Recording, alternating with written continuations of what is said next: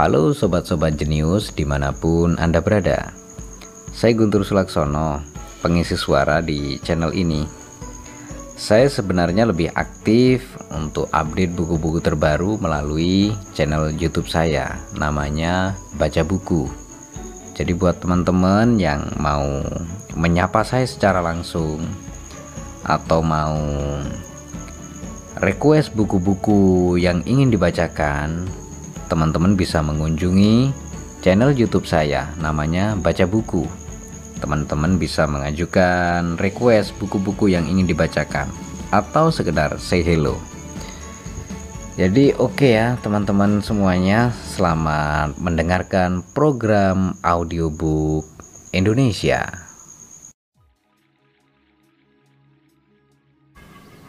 sebuah karya dari Carl Sagan dengan judul Kosmos. Kita memasuki bab ke 13. Ini merupakan bab terakhir dari rangkaian audiobook Kosmos. Bab 13. Siapa juru bicara bumi? Kosmos baru saja ditemukan kemarin. Selama jutaan tahun, semua orang menganggap jelas tidak ada tempat lain selain bumi. Kemudian pada sepersepuluh persen akhir umur spesies kita, di antara masa Aristarchus dan kita sendiri, dengan berat hati kita menginsafi bahwa kita bukanlah pusat dan tujuan alam semesta, melainkan tinggal di satu planet kecil dan rapuh yang tersesat dalam keluasan dan keabadian terapung-apung dalam lautan kosmik yang di sana-sini terdapat 100 miliar galaksi dan semiliar triliun bintang. Dengan gagah berani kita telah menjajal airnya dan menemukan bahwa lautan itu kita sukai, bergema dengan sifat dasar kita. Sesuatu di dalam diri kita mengenali kosmos sebagai rumah. Kita terbuat dari abu bintang. Asal usul dan evolusi kita telah dikaitkan dengan peristiwa-peristiwa kosmik yang jauh Penjelajahan kosmos adalah perjalanan menemukan diri sendiri. Sebagaimana yang diketahui para pembuat legenda kuno, kita adalah anak-anak langit dan bumi. Selama kita menempati planet ini, kita telah menghimpun pengalaman evolusioner yang berbahaya, kecenderungan, bawaan untuk melakukan agresi dan ritual, ketaatan pada pemimpin dan sikap bermusuhan dengan orang luar yang membuat kelangsungan hidup kita dipertanyakan tapi kita juga telah mendapatkan sikap menyayangi orang lain. Rasa cinta kasih kepada anak-anak dan cucu-cucu kita, hasrat untuk belajar dari masa lalu, dan kecerdasan yang membubung, sarana-sarana nyata untuk keberlangsungan hidup dan kemakmuran kita.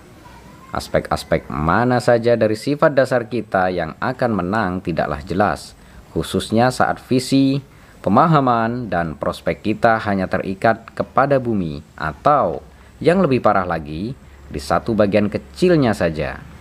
Padahal dalam keluasan kosmos, suatu sudut pandang yang tak dapat dielakkan menanti kita.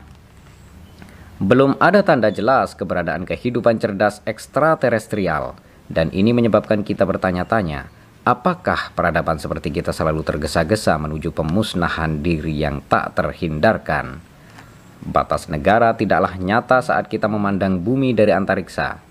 Fanatisme etnis atau chauvinisme keagamaan atau kebangsaan menjadi agak sulit dipertahankan bila kita melihat planet kita sebagai sabit biru rapuh yang meredup menjadi setitik cahaya yang tidak menarik perhatian di antara kepungan bintang-bintang. Bepergian memperluas pandangan kita ada planet-planet di mana kehidupan tidak pernah muncul. Ada planet-planet yang telah terbakar hangus dan hancur akibat bencana kosmik. Kita beruntung, kita hidup, kita kuat. Kesejahteraan peradaban kita dan spesies kita berada dalam genggaman kita. Jika kita tidak menjadi juru bicara bumi, siapa yang akan melakukannya? Jika kita tidak berkomitmen terhadap kelangsungan hidup kita sendiri, siapa yang akan melakukannya? Umat manusia saat ini menghadapi tantangan besar yang jika berhasil dihadapi akan menjadi sepenting kolonisasi daratan atau turun dari pohon. Kita pelan-pelan membebaskan diri dari belenggu bumi. Secara kiasan, menghadapi dan menjinakkan dorongan-dorongan dari otak yang lebih primitif di dalam diri kita. Secara fisik, menjelajahi planet-planet dan mendengarkan pesan dari bintang-bintang. Dua upaya ini terikat selamanya. Saya yakin masing-masing merupakan syarat wajib bagi yang lainnya.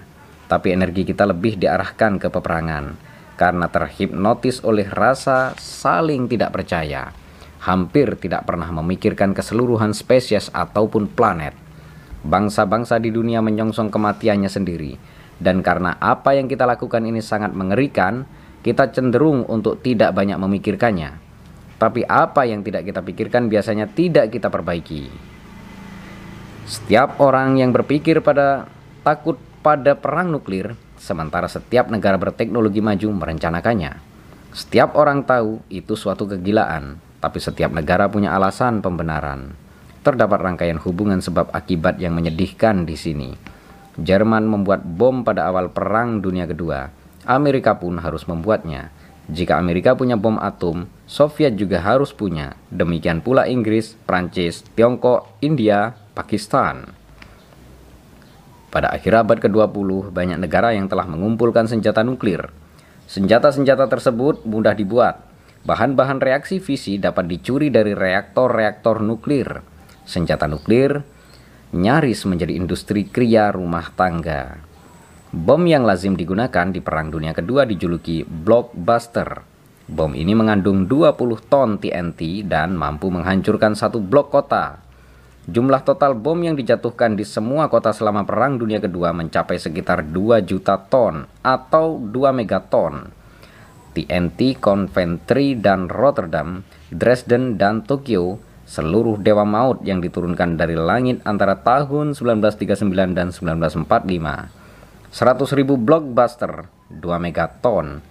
Pada akhir abad ke-20, 2 megaton adalah energi yang dilepaskan dalam ledakan satu bom termonuklir. Satu bom dengan kekuatan menghancurkan dari seluruh perang dunia kedua. Tapi ada puluhan ribu senjata nuklir.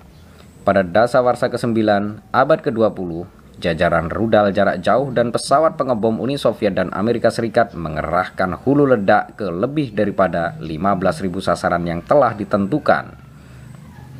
Tidak ada tempat di planet ini yang aman. Energi yang terkandung dalam senjata-senjata ini, jin-jin kematian yang dengan sabar menanti lampu tempat bersemayamnya digosok, jauh lebih besar daripada 10.000 megaton tapi dengan kerusakan yang terkonsentrasi secara efisien. Bukan dalam enam tahun, melainkan dalam beberapa jam saja, satu blockbuster untuk setiap keluarga di planet ini. Satu perang dunia kedua di setiap detik sepanjang sore yang cocok untuk bermalas-malasan. Penyebab langsung kematian akibat serangan bom atom adalah gelombang ledakan yang bisa meratakan bangunan beton bertulang sejauh beberapa kilometer badai panas, sinar gamma, dan neutron yang bisa membakar organ dalam orang-orang yang sedang lewat. Gadis pelajar yang selamat dalam serangan bom atom Amerika di Hiroshima, peristiwa yang mengakhiri Perang Dunia Kedua, menulis keterangan berikut. Dalam kegelapan, bagaikan dasar neraka, aku bisa mendengar suara murid-murid lain yang memanggil-manggil ibunya dan di dasar jembatan, di dalam waduk bawah tanah yang telah digali di sana, ada seorang ibu yang terseduh-seduh sambil mengangkat bayinya yang telanjang dan sekujur tubuhnya merah terbakar. Ibu yang satu lagi menangis dan terisak-isak saat menyodorkan payudaranya yang terbakar pada bayinya. Di dalam waduk bawah tanah, murid-murid berdiri dengan bagian kepala saja menyembul di atas permukaan air. Sementara kedua tangannya ditangkupkan seraya berteriak memohon dan menjerit-jerit memanggil orang tua mereka. Namun, setiap orang yang melintas itu terluka dan tak ada seorang pun yang bisa dimintai pertolongan. Rambut hangus di kepala orang-orang menjadi keriting, keputih-putihan dan tertutup debu. Mereka tidak terlihat seperti manusia, bukan makhluk dunia ini. Pengeboman Hiroshima tidak seperti pengeboman berikutnya di Nagasaki, merupakan ledakan di udara jauh di atas permukaan sehingga jatuhan radioaktifnya tidak signifikan. Tapi pada 1 Maret 1954, uji coba senjata termonuklir di Bikini, Kepulauan Marshall, menghasilkan ledakan yang lebih dahsyat daripada yang diperkirakan. Awan radioaktif yang amat besar terbentuk di atol kecil Rongalap yang berjarak 150 km dan penduduknya menyamakan ledakan itu dengan matahari terbit di sebelah barat. Beberapa jam kemudian debu radioaktif jatuh di Rongalap seperti salju. Dosis rata-rata yang diterima hanya sekitar 175 rat, kurang daripada setengah dosis yang diperlukan untuk membunuh orang biasa. Karena jauh dari ledakan, tidak banyak orang yang meninggal. Tentu saja, strontium radioaktif yang mereka makan mengendap dalam tulang-tulang, sedangkan yodium radioaktif mengendap dalam tiroid mereka. Dua per tiga anak-anak dan sepertiga orang dewasa di sana kemudian menderita kelainan tiroid, pertumbuhan yang terhambat atau tumor ganas. Sebagai kompensasi, penduduk Kepulauan Marshall memperoleh perawatan medis yang handal. Bom atom Hiroshima hanya berkekuatan 13 kiloton, setara dengan 13.000 ton TNT. Bom-bom dalam uji coba senjata nuklir di Bikini berkekuatan 15 megaton. Kalau terjadi baku tembak senjata nuklir besar-besaran, perang nuklir, bom yang setara dengan sejuta bom Hiroshima bakal dijatuhkan di seluruh dunia. Dengan persentase kematian Hiroshima sebesar beberapa ratus ribu orang tewas per ekivalen 13 kiloton senjata nuklir, diperkirakan korban tewasnya 100 miliar jiwa. Tapi pada akhir abad ke-20, hanya ada kurang daripada 5 miliar jiwa di bumi. Tentu saja dalam baku tembak tersebut, tidak setiap orang tewas akibat ledakan dan badai panas, radiasi dan jatuhan radiasi. Meskipun jatuhan radiasi berlangsung dalam waktu agak lama, 90% strontium 90 akan meluruh dalam waktu 96 tahun. 90% cesium 137 dalam waktu 100 tahun. 90% yodium 131 dalam waktu sebulan. Orang-orang yang tak langsung jadi korban ledakan nuklir akan menyaksikan akibat-akibat perang yang lebih tak kentara.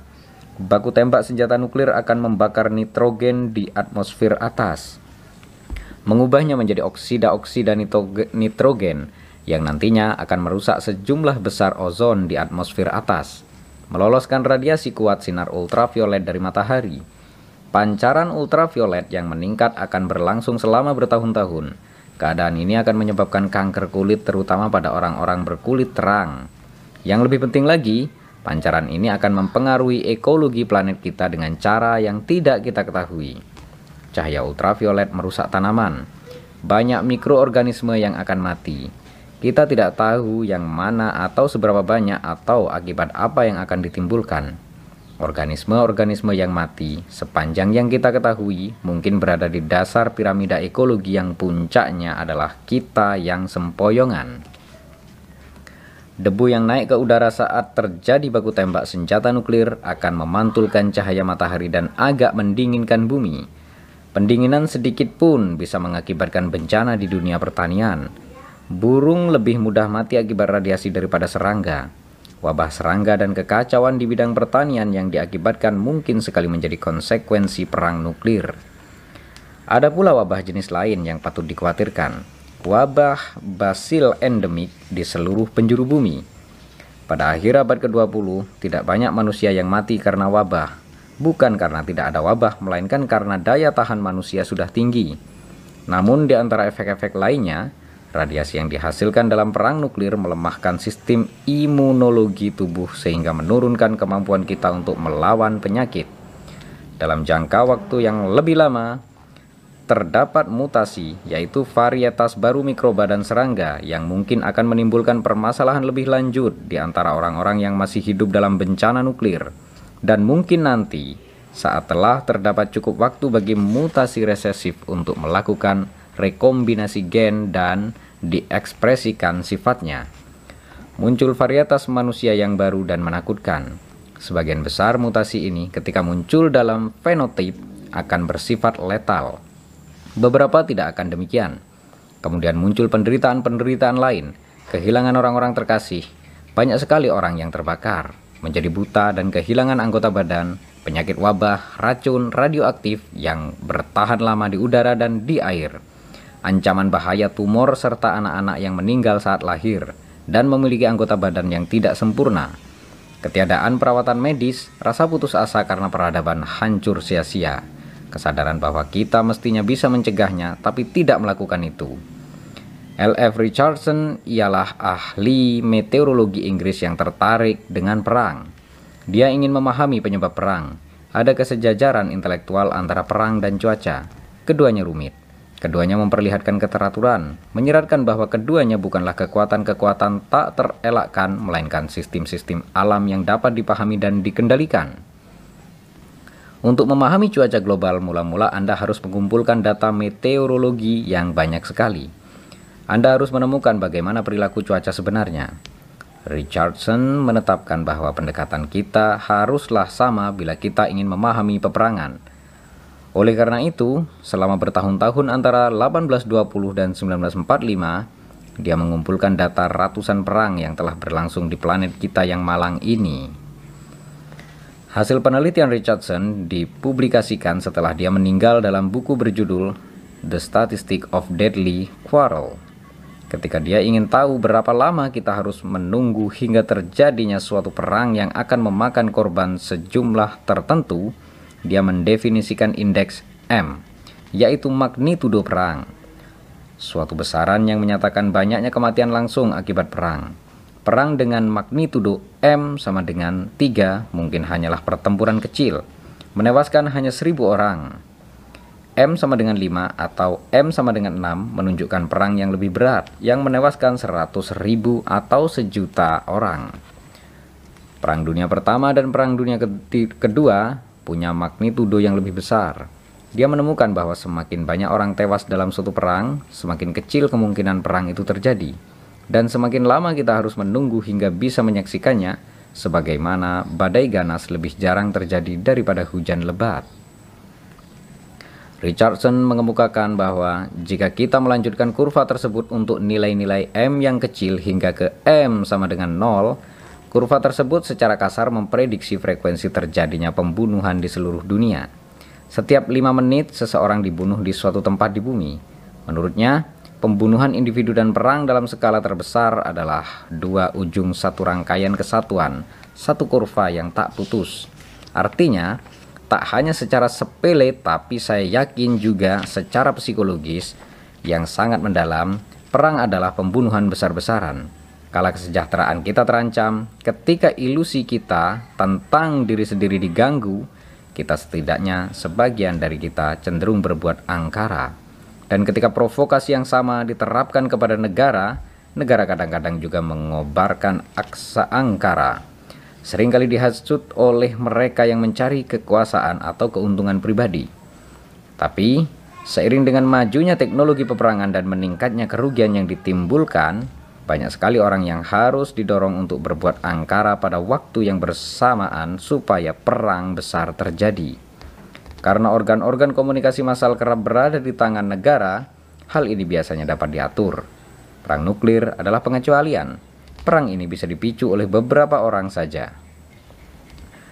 Dapat kita lihat di sini suatu konflik antara hawa nafsu kita dan apa yang ter kadang dikatakan sebagai sifat-sifat kita yang lebih luhur antara bagian otak reptil yang kuno dan berada di dalam, yaitu kompleks R yang bertanggung jawab atas kemarahan dan bagian otak mamalia dan manusia yang telah berevolusi lebih belakangan, yaitu sistem limbik dan korteks otak besar.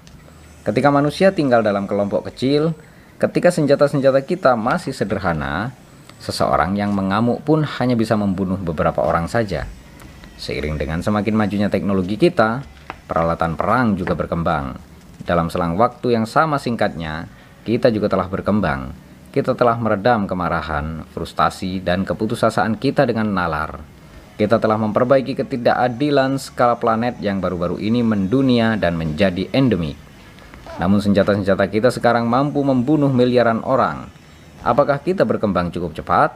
Apakah kita mengajarkan nalar selektif seefektif mungkin? Apakah kita berani menyelidiki penyebab perang?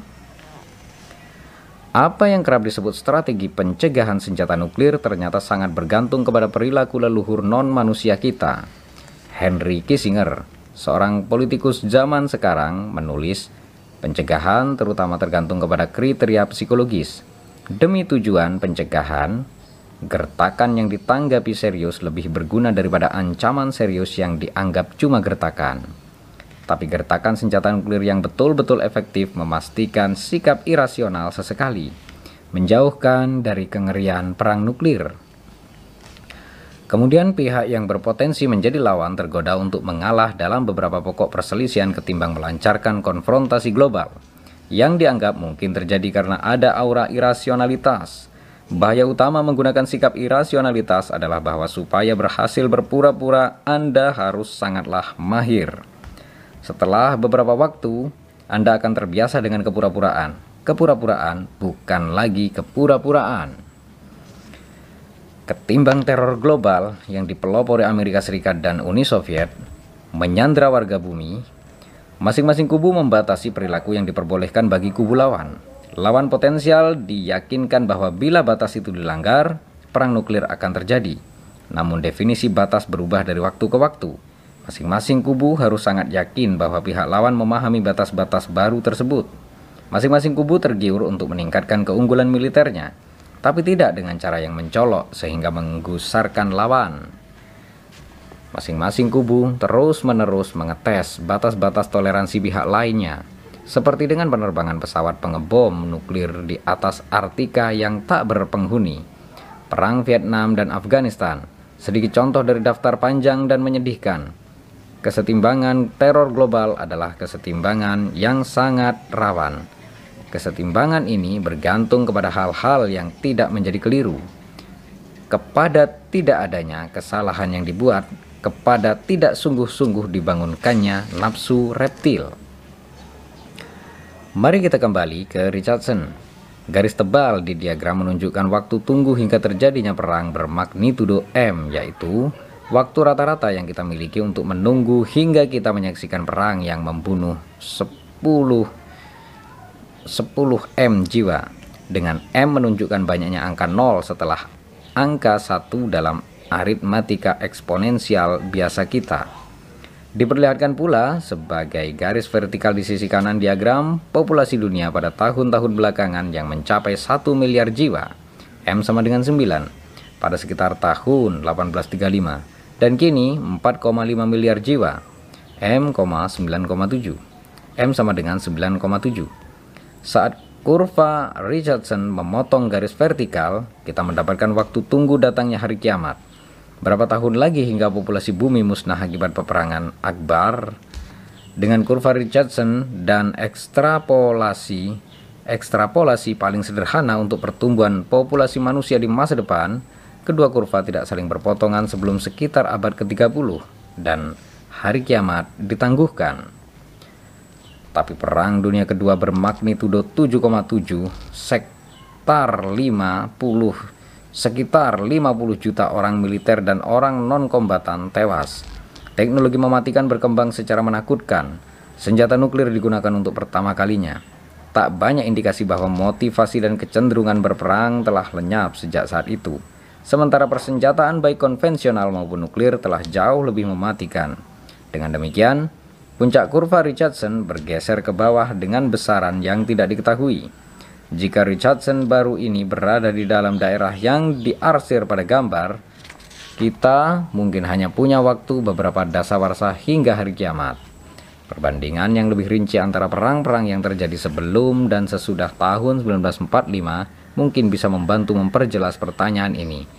Ini lebih daripada sekedar keprihatinan sepintas lalu. Ini hanyalah cara lain untuk mengatakan hal yang telah kita ketahui selama puluhan tahun. Perkembangan senjata nuklir dan sistem peluncurannya lambat laun akan menuju ke bencana global. Banyak ilmuwan imigran Amerika dan Eropa yang mengembangkan senjata-senjata nuklir pertama mereka sangat menderita karena iblis yang telah mereka lepaskan ke dunia. Mereka meminta penghapusan senjata nuklir, tapi permohonan mereka tak dihiraukan Prospek keunggulan strategis nasional memperkuat tekad Uni Soviet dan Amerika Serikat dan perlombaan persenjataan nuklir pun dimulai. Pada periode yang sama, perkembangan perdagangan persenjataan non-nuklir internasional yang menghancurkan dan dengan malu-malu disebut konvensional dalam 25 tahun terakhir dalam satuan dolar yang telah dikoreksi dengan faktor inflasi perdagangan persenjataan internasional tahunan telah meningkat dari 300 juta dolar menjadi 20 miliar dolar lebih antara tahun 1950 dan 1968 dengan statistik berkualitas baik. Rata-rata setiap tahunnya terjadi beberapa peristiwa yang melibatkan senjata nuklir di seluruh dunia. Meskipun barangkali tak lebih daripada satu atau dua kecelakaan ledakan nuklir. Industri senjata di Uni Soviet, Amerika Serikat, dan negara-negara lainnya sangatlah besar dan kuat. Di Amerika Serikat, industri ini melibatkan perusahaan-perusahaan besar yang terkenal sebagai manufaktur produk rumah tangga.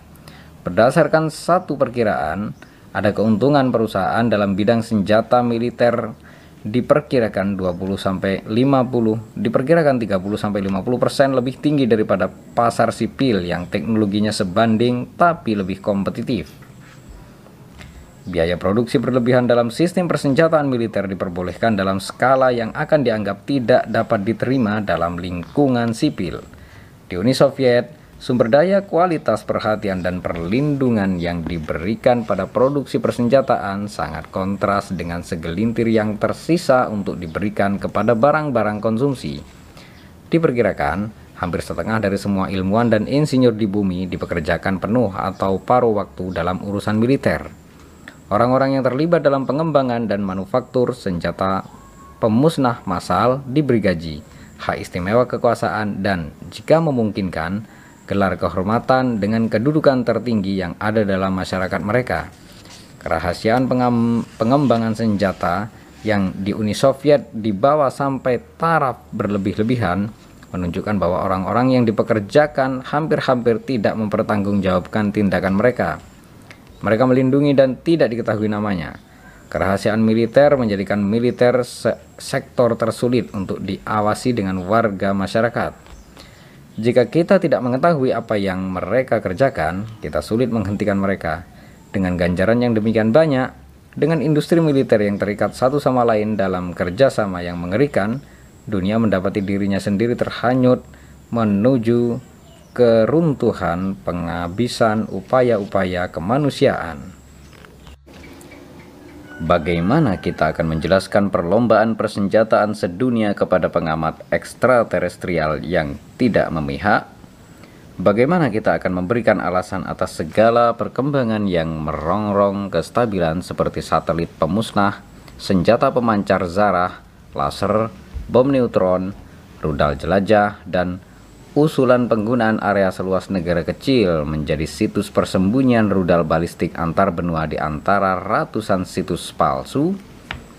Akankah kita mengatakan bahwa 10.000 hulu ledak senjata nuklir yang telah diarahkan ke sasaran mungkin meningkatkan kemungkinan kelangsungan hidup kita? Laporan pertanggungjawaban apa yang akan kita sampaikan mengenai pekerjaan mengurus planet bumi kita? Kita telah mendengar dasar-dasar pemikiran yang ditawarkan negara-negara adidaya penguasa senjata nuklir. Kita mengetahui siapa juru bicara negara-negara tersebut.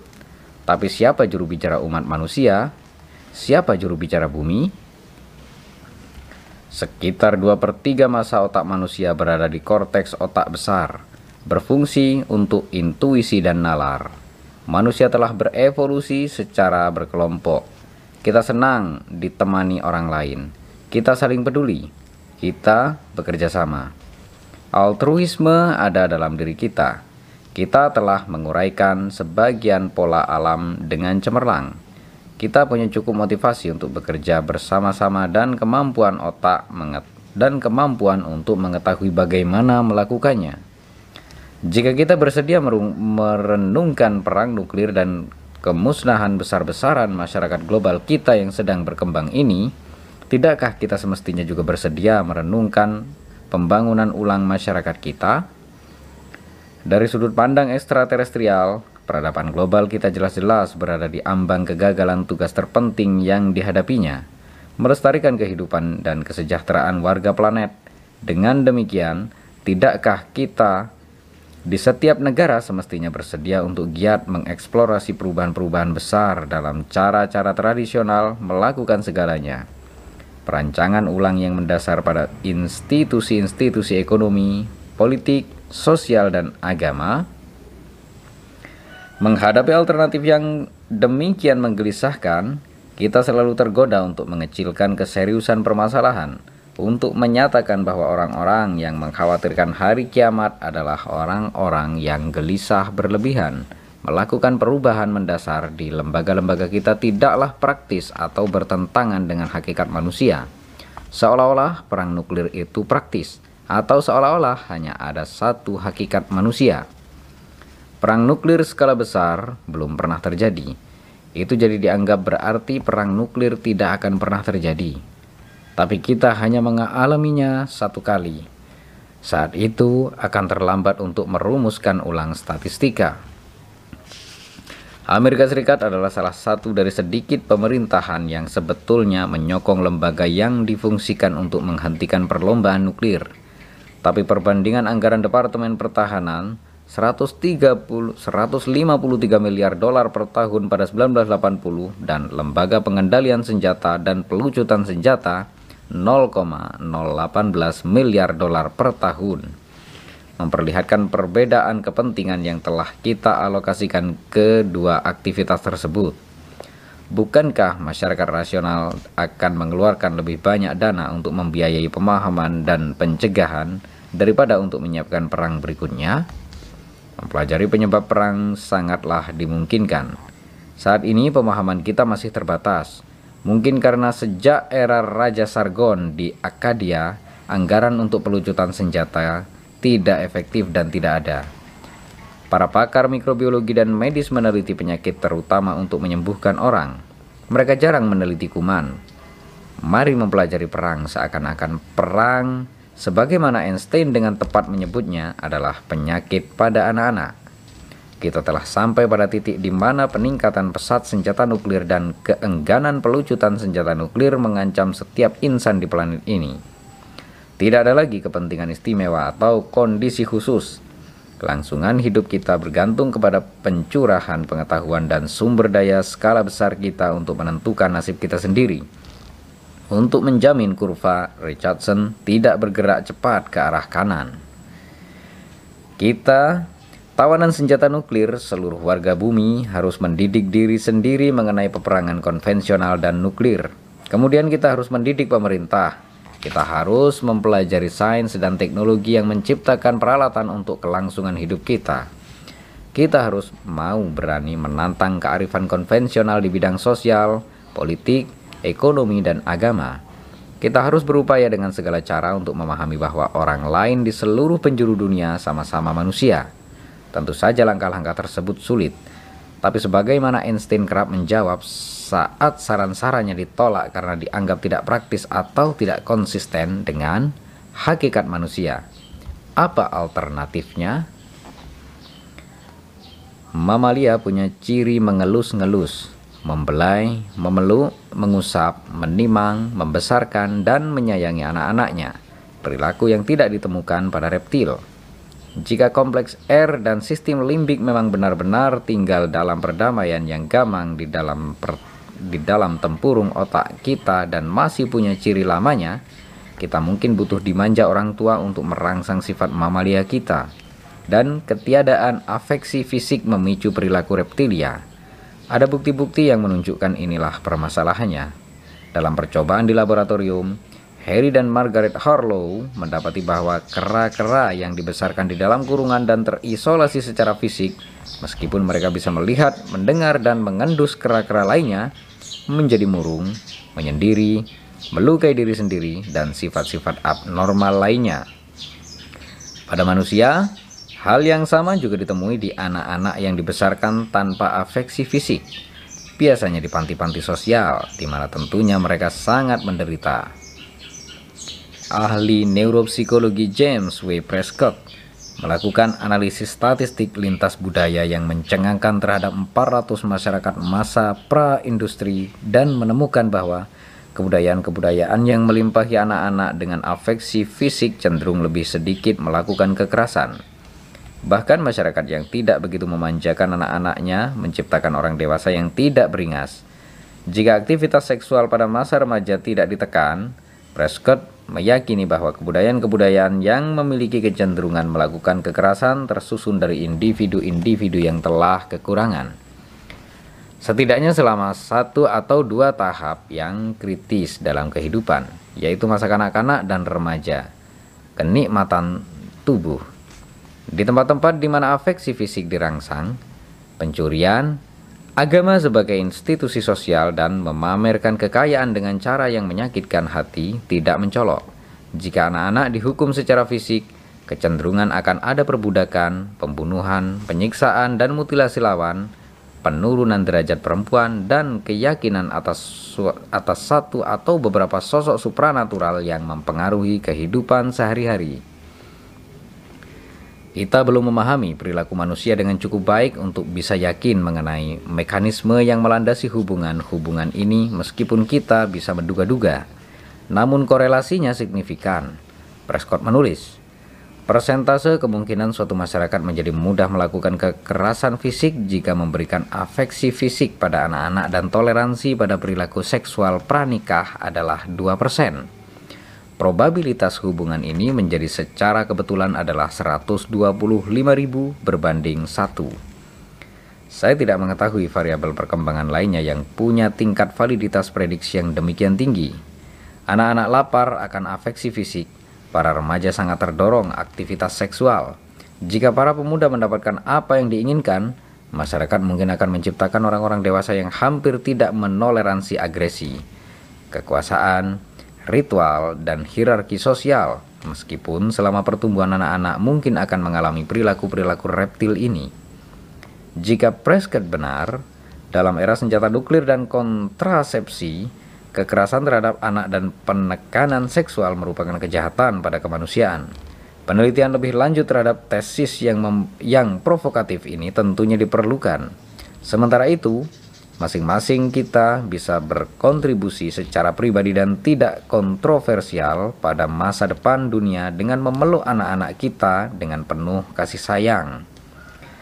Kita cenderung terhadap perbudakan dan rasisme misogini, dan kekerasan dihubungkan, sebagaimana yang telah ditunjukkan oleh karakter individu dan sejarah manusia serta penelitian-penelitian lintas budaya, masih ada ruang untuk optimisme. Kita dilingkungi oleh perubahan-perubahan baru yang mendasar di masyarakat. Dalam dua abad terakhir, perbudakan yang hina, yang telah bersama kita selama ribuan tahun atau lebih dihapuskan dalam revolusi yang mengguncangkan seluruh dunia. Perempuan-perempuan yang direndahkan selama ribuan tahun dan biasanya diabaikan dalam kekuasaan politik dan ekonomi real berangsur-angsur menjadi rekan sejajar kaum laki-laki, bahkan di masyarakat terbelakang. Untuk pertama kalinya dalam sejarah modern, perang-perang besar dihentikan sebagian karena rasa tidak suka di antara warga negara pihak penyerang. Nasihat-nasihat kuno yang menganjurkan semangat nasionalis dan kebangsaan patriotik yang ekstrim telah mulai kehilangan daya pikatnya. Mungkin karena meningkatnya standar kehidupan. Anak-anak diperlakukan dengan lebih baik.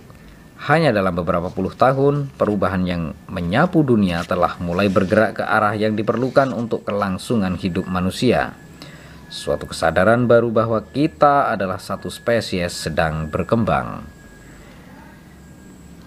Tahayul adalah kepengecutan di hadapan dewa, tulis Theophrastos yang hidup pada masa pendirian perpustakaan Alexandria.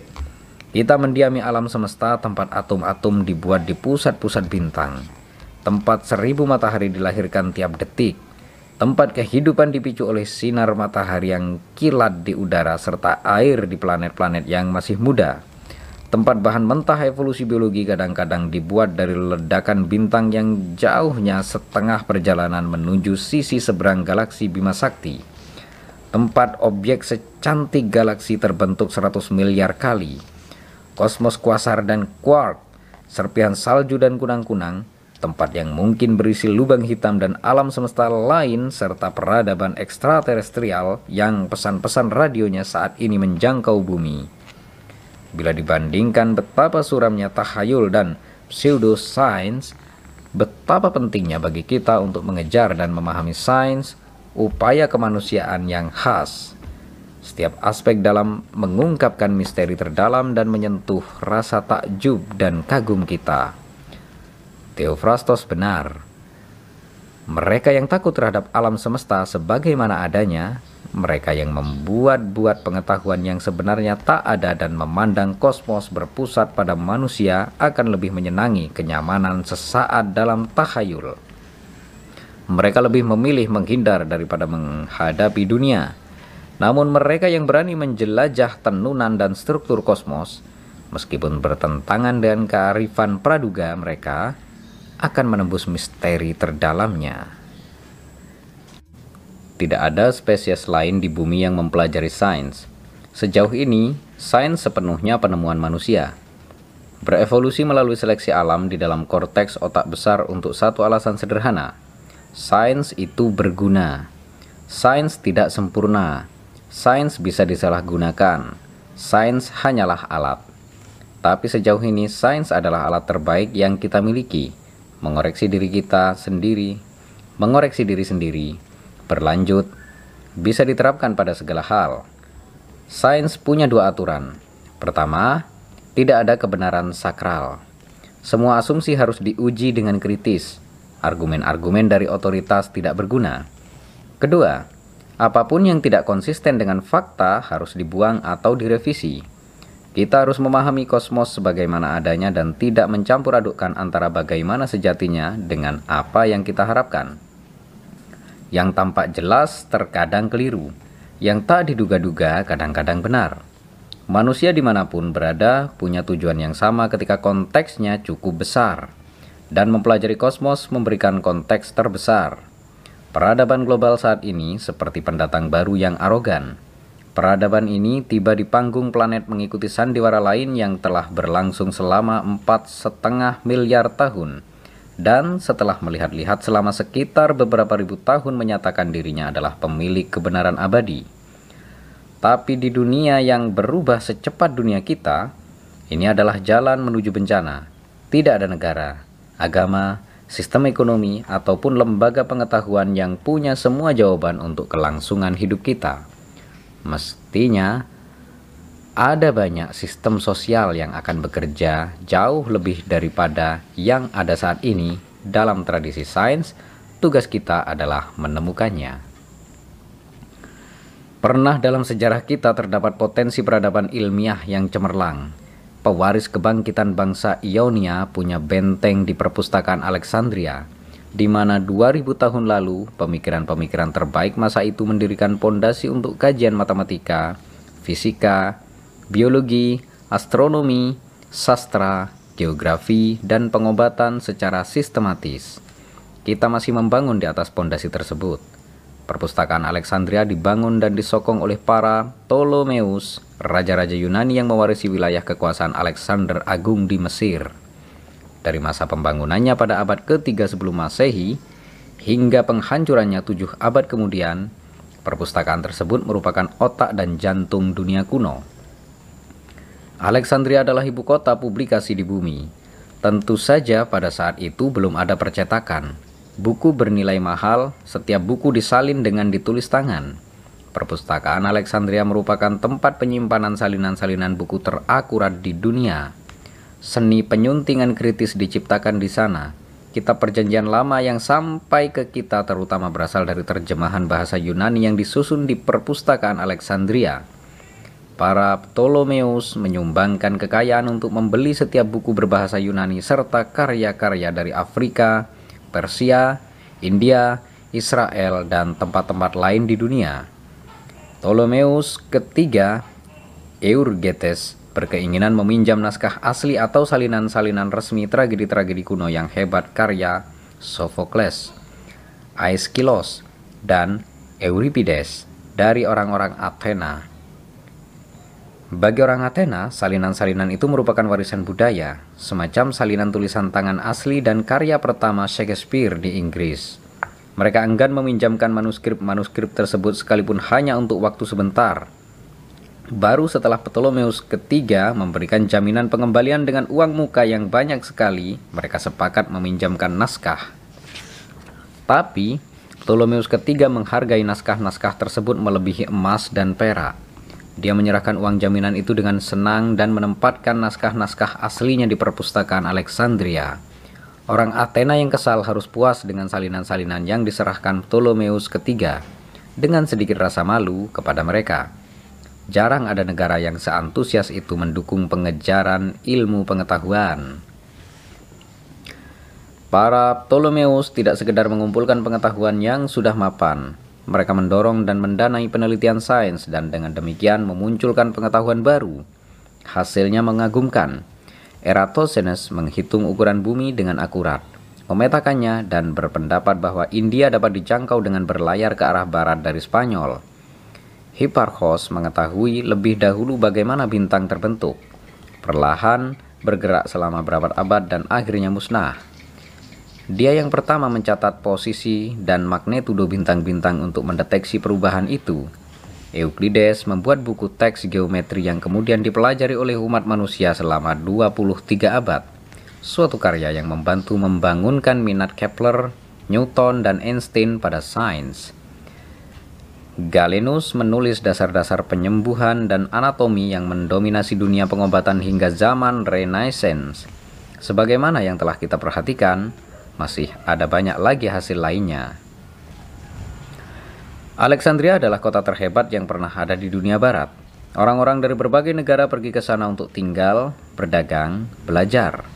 Dalam sehari, pelabuhan-pelabuhan di sana dipenuhi pedagang, pelajar, dan pelancong. Inilah kota tempat orang-orang Yunani, Mesir, Arab, Syria, Yahudi, Persia, Nubia, Venesia, Italia, Galia, dan Iberia bertukar barang dagangan dan gagasan. Barangkali di kota inilah kota kosmopolitan mendapatkan makna sebenarnya.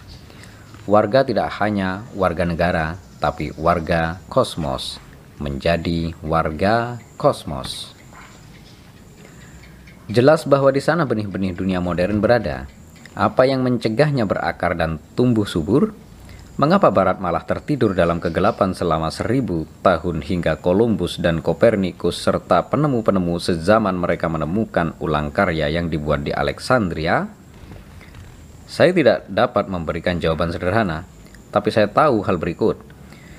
Tidak ada catatan tertulis di seluruh, di seluruh sejarah perpustakaan Alexandria yang menjelaskan bahwa para ilmuwan dan cendekiawan termasyur pernah sungguh-sungguh menantang asumsi-asumsi politik, ekonomi, dan agama di masyarakat berbeda. Bintang dipertanyakan, keadilan bagi budak tidak. Sains dan pembelajaran secara umum hanya untuk kalangan tertentu. Sebagai sebagian besar penduduk kota tidak mengetahui penemuan penemuan besar di dalam perpustakaan. Penemuan-penemuan baru tidak dijelaskan atau dipopulerkan. Riset hampir tidak bermanfaat bagi mereka Penemuan-penemuan di bidang teknologi mesin dan uap diterapkan utamanya untuk menyempurnakan senjata, memajukan tahayul, menghibur raja-raja.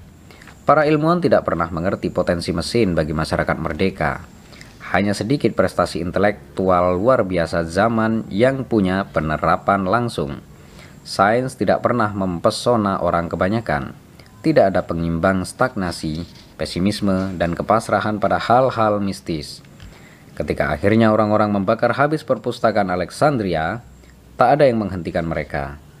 Ilmuwan terakhir yang bekerja di perpustakaan Alexandria adalah seorang ahli matematika, ahli astronomi, ahli fisika, dan kepala sekolah filsafat Neoplatonik. Pencapaian yang luar biasa bagi siapa saja pada zaman mana pun. Namanya Hipatia. Dia seorang perempuan yang dilahirkan di Alexandria tahun 370. Pada zaman ketika kaum perempuan hanya punya sedikit pilihan dan diperlakukan sebagai harta benda, Hipatia bergerak bebas dan tanpa segan di bidang yang biasanya dikuasai kaum laki-laki. Disebut-sebut bahwa dia sangatlah cantik. Banyak orang meminangnya tapi semuanya ditolak. Alexandria pada masa Hipatia yang lama dikuasai Romawi merupakan kota yang diliputi kesuraman, Perbudakan telah melemahkan daya hidup peradaban klasik. Gereja Kristen yang tengah tumbuh menggabungkan kekuatannya dan berupaya melenyapkan pengaruh dan budaya pagan. Hipatia berdiri di tengah-tengah kekuatan sosial yang kuat ini. Cyrillus, Uskup Agung Alexandria memandang rendah Hipatia karena kedekatannya dengan gubernur Romawi dan karena Hipatia merupakan simbol pembelajaran dan sains. yang secara keseluruhan oleh gereja awal dianggap paganisme. Meskipun terancam bahaya, Hipatia terus mengajar dan mempublikasikan karyanya hingga tahun 415. Ketika dalam perjalanan menuju tempat kerja, dia diserang oleh orang-orang fanatik dari jemaat gereja Sirilus. Mereka menyeretnya dari dalam kereta, mengoyak pakaiannya dan dengan menggunakan kulit kerang mengulitinya. Jasadnya dibakar, karya-karyanya dilenyapkan, namanya dilupakan. Sirilus diangkat menjadi santo.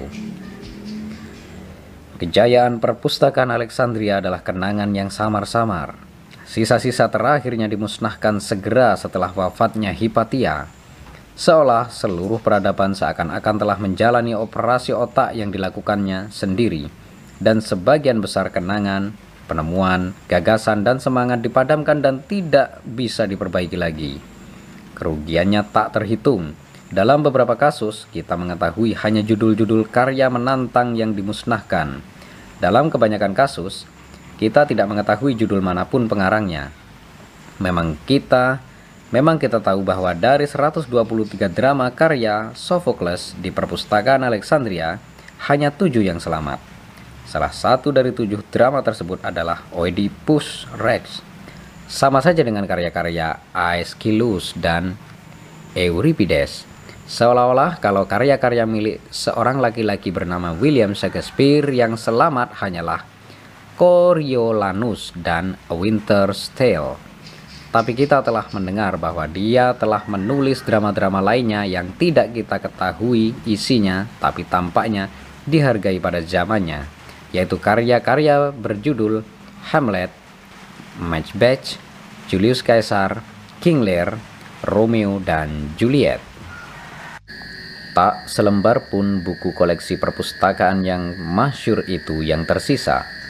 Di Alexandria modern hanya sedikit orang yang sangat menghargai, apalagi yang mengetahui dengan rinci perpustakaan Alexandria atau peradaban Mesir hebat yang lebih tua ribuan tahun sebelumnya.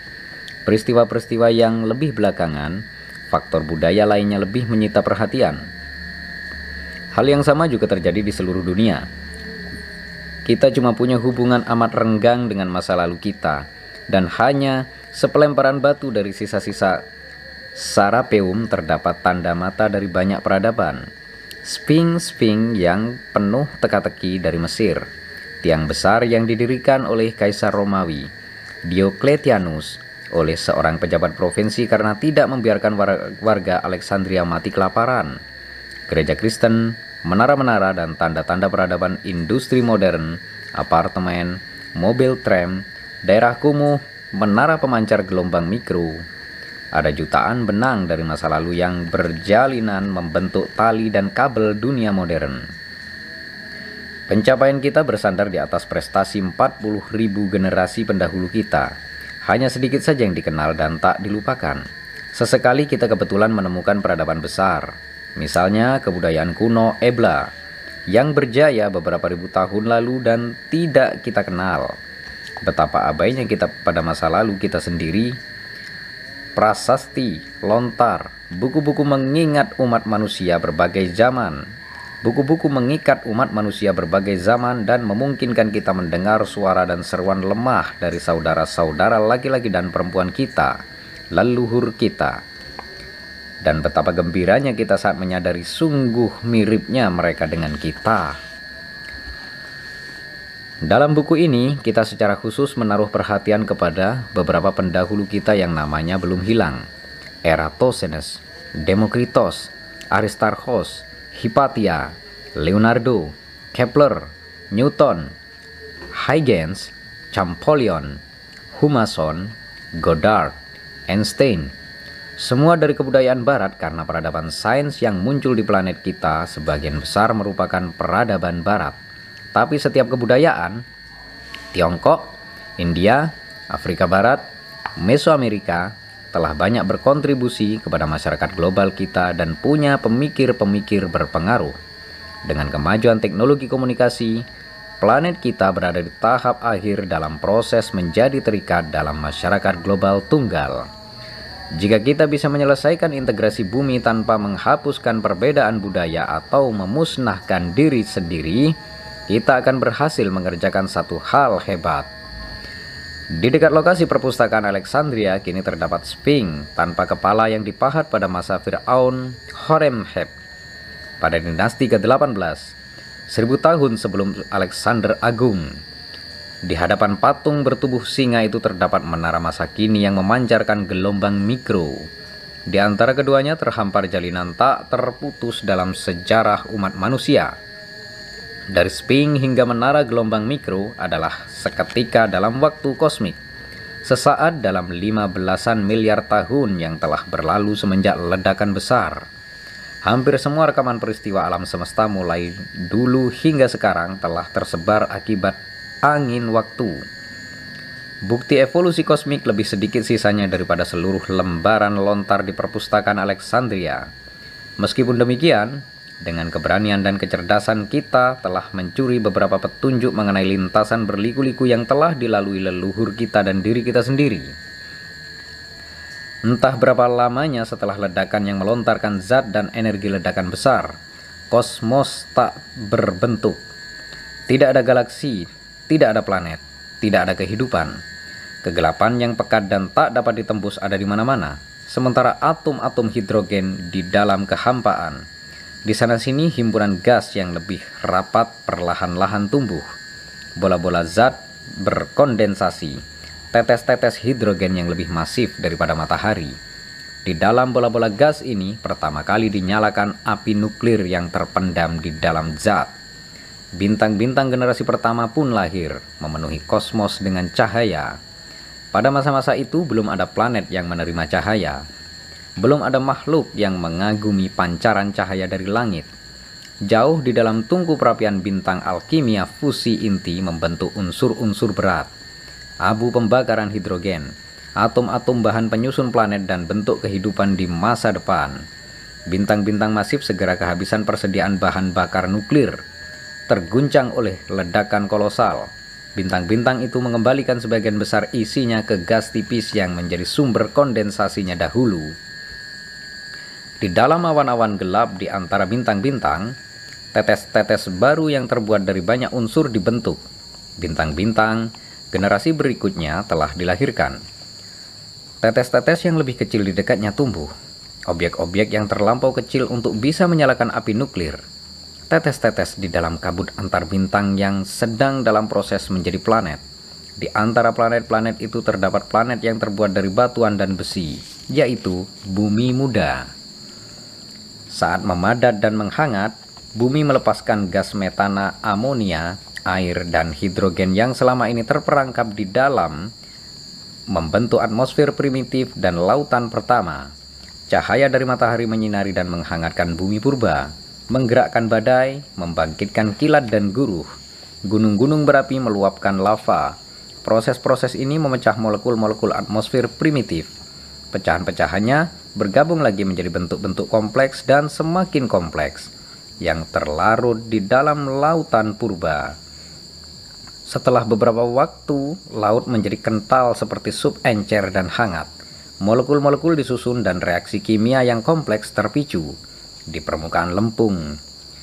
Pada suatu ketika, satu molekul yang muncul secara kebetulan mampu membentuk duplikat kasar dirinya sendiri dari molekul-molekul lain di lautan Seiring dengan berlalunya waktu, muncul lebih banyak molekul rumit dan lebih akurat dalam memperbanyak diri. Kombinasi-kombinasi yang paling baik untuk replikasi lebih lanjut lebih disukai oleh filter seleksi alam. Kombinasi yang membuat duplikat dengan lebih baik menghasilkan lebih banyak duplikat. Sublautan primitif pun perlahan-lahan bertambah encer karena dikonsumsi dan diubah menjadi kondensasi kompleks molekul organik yang memperbanyak diri Perlahan-lahan dan tanpa kentara, kehidupan telah dimulai. Tumbuhan bersel tunggal berevolusi dan kehidupan mulai menghasilkan makanannya sendiri. Fotosintesis mengubah atmosfer. Seks ditemukan. Bentuk-bentuk kehidupan bebas bergabung untuk membentuk sel kompleks dengan fungsi khusus. Reseptor kimia berevolusi dan kosmos dapat merasa dan mencium. Organisme bersel tunggal berevolusi menjadi koloni multisel mengubah berbagai bagiannya menjadi sistem organ khusus. Mata dan telinga berevolusi, dan kini kosmos dapat melihat dan mendengar. tumbuhan dan binatang mendapati bahwa daratan dapat menyokong kehidupan. Organisme-organisme terbang, merayap, berlari, bergerak lamban, meluncur, berkepak-kepak, bergetar, memanjat dan membubung tinggi. Hewan-hewan yang amat besar berderap melewati hutan-hutan beruap. Hewan-hewan kecil muncul. Hidup bukan dalam cangkang, punya cairan seperti lautan purba yang mengalir di dalam pembuluh darah mereka. Hewan-hewan itu bertahan hidup karena ketangkasan dan kecerdikan mereka. Kemudian, baru sesaat lalu, hewan-hewan kecil yang hidup di pohon berlarian turun dari pohon.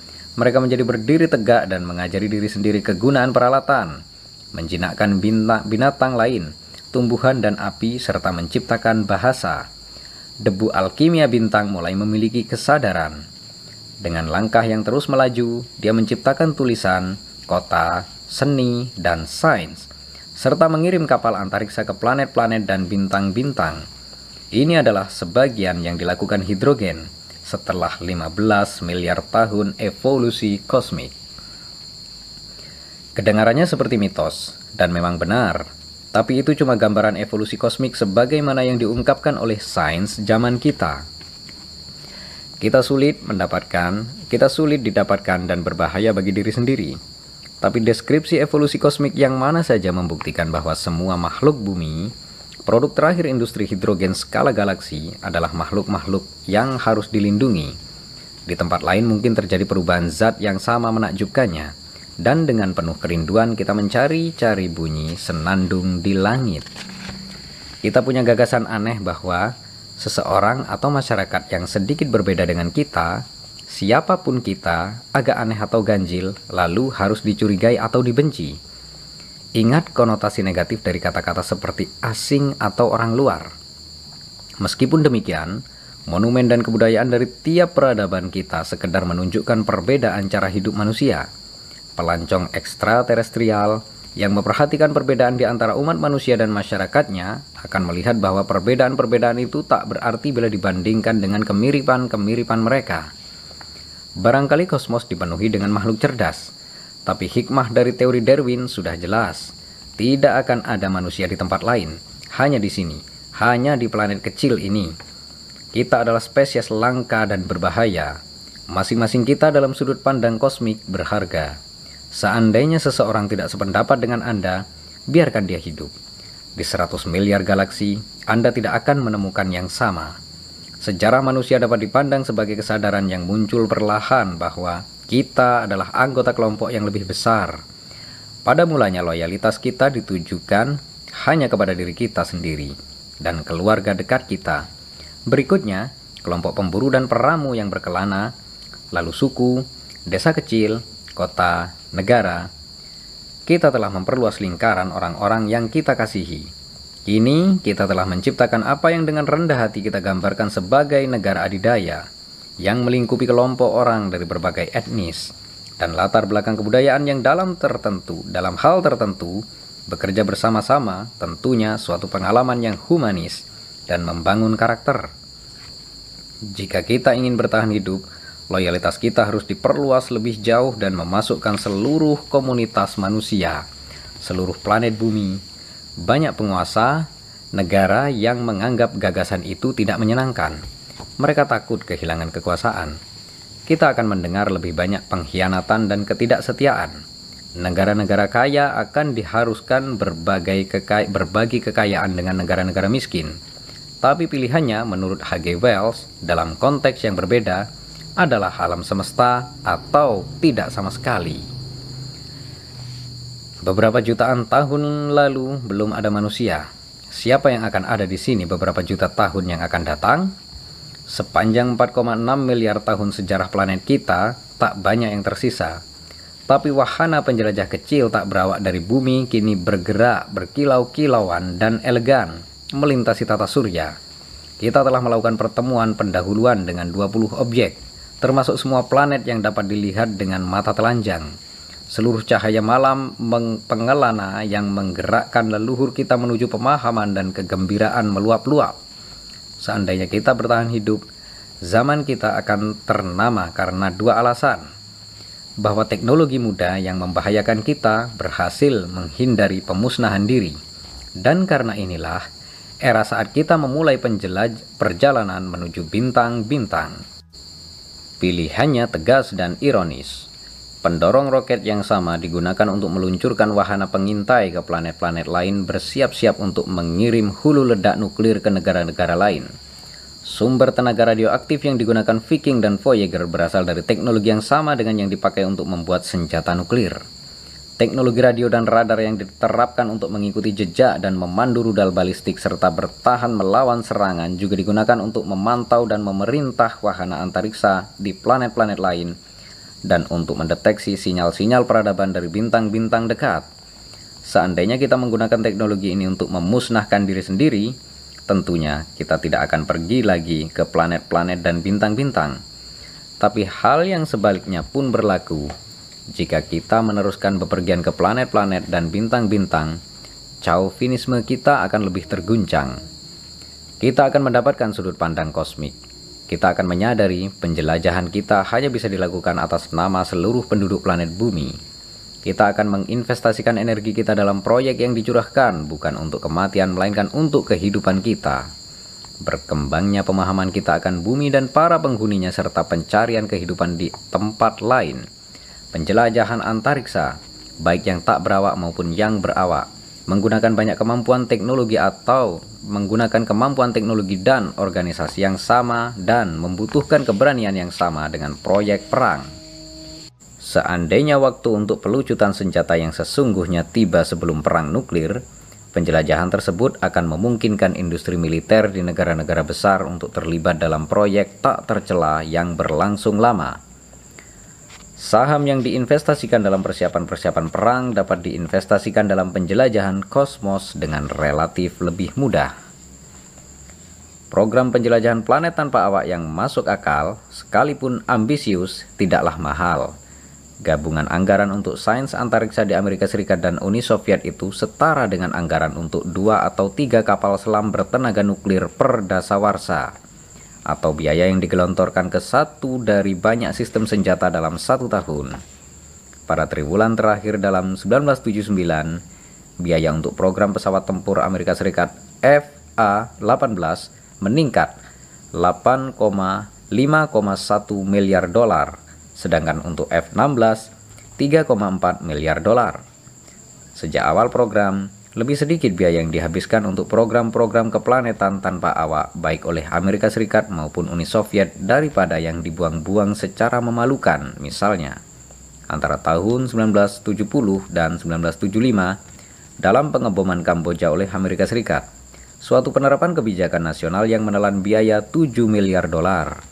Biaya total untuk misi semacam Viking ke Mars atau ke tata surya sebagian luar lebih sedikit daripada biaya untuk invasi Soviet ke Afghanistan pada 1979 hingga 1980. Melalui pembukaan lapangan kerja teknis dan rangsangan teknologi maju, uang yang digunakan untuk penjelajahan antariksa punya efek ekonomi yang berlipat ganda. Satu penelitian menunjukkan bahwa untuk setiap dolar yang digunakan untuk menjelajah planet-planet, 7 dolar dikembalikan ke ekonomi nasional.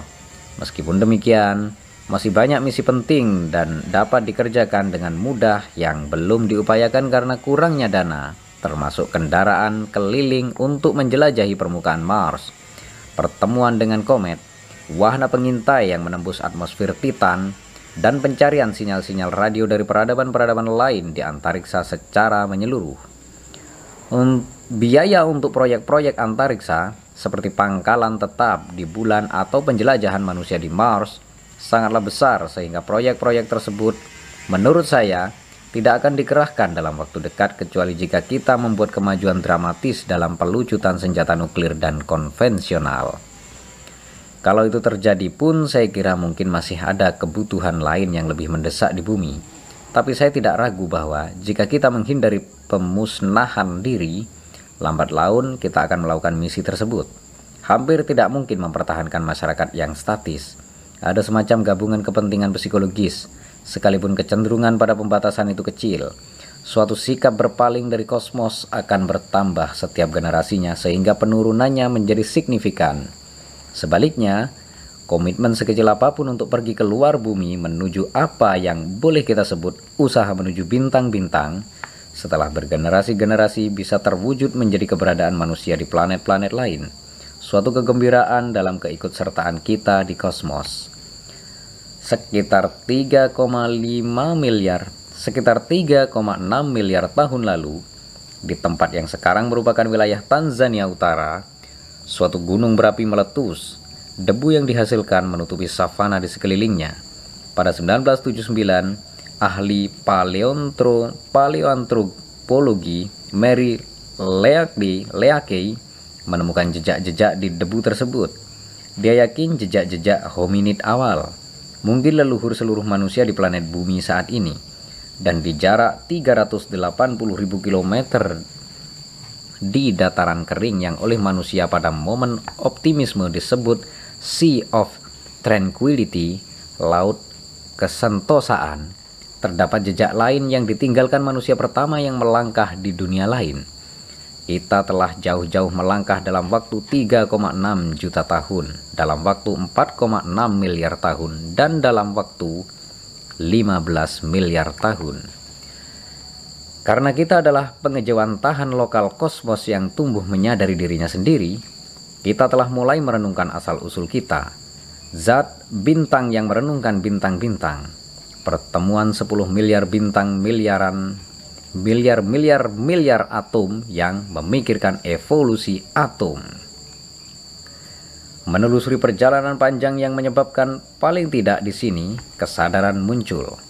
Loyalitas kita ditujukan kepada umat manusia dan planet bumi. Kita berbicara atas nama bumi, Kewajiban kita supaya bertahan hidup bukan hanya untuk diri kita sendiri, melainkan juga untuk kosmos yang tua dan luas, yang darinya kita berasal. Tamat dan terima kasih sudah mendengarkan rangkaian audiobook dari buku Kosmos karya Carl Sagan. Saya Guntur Sulaksono, pengisi suara di channel ini, mengucapkan terima kasih.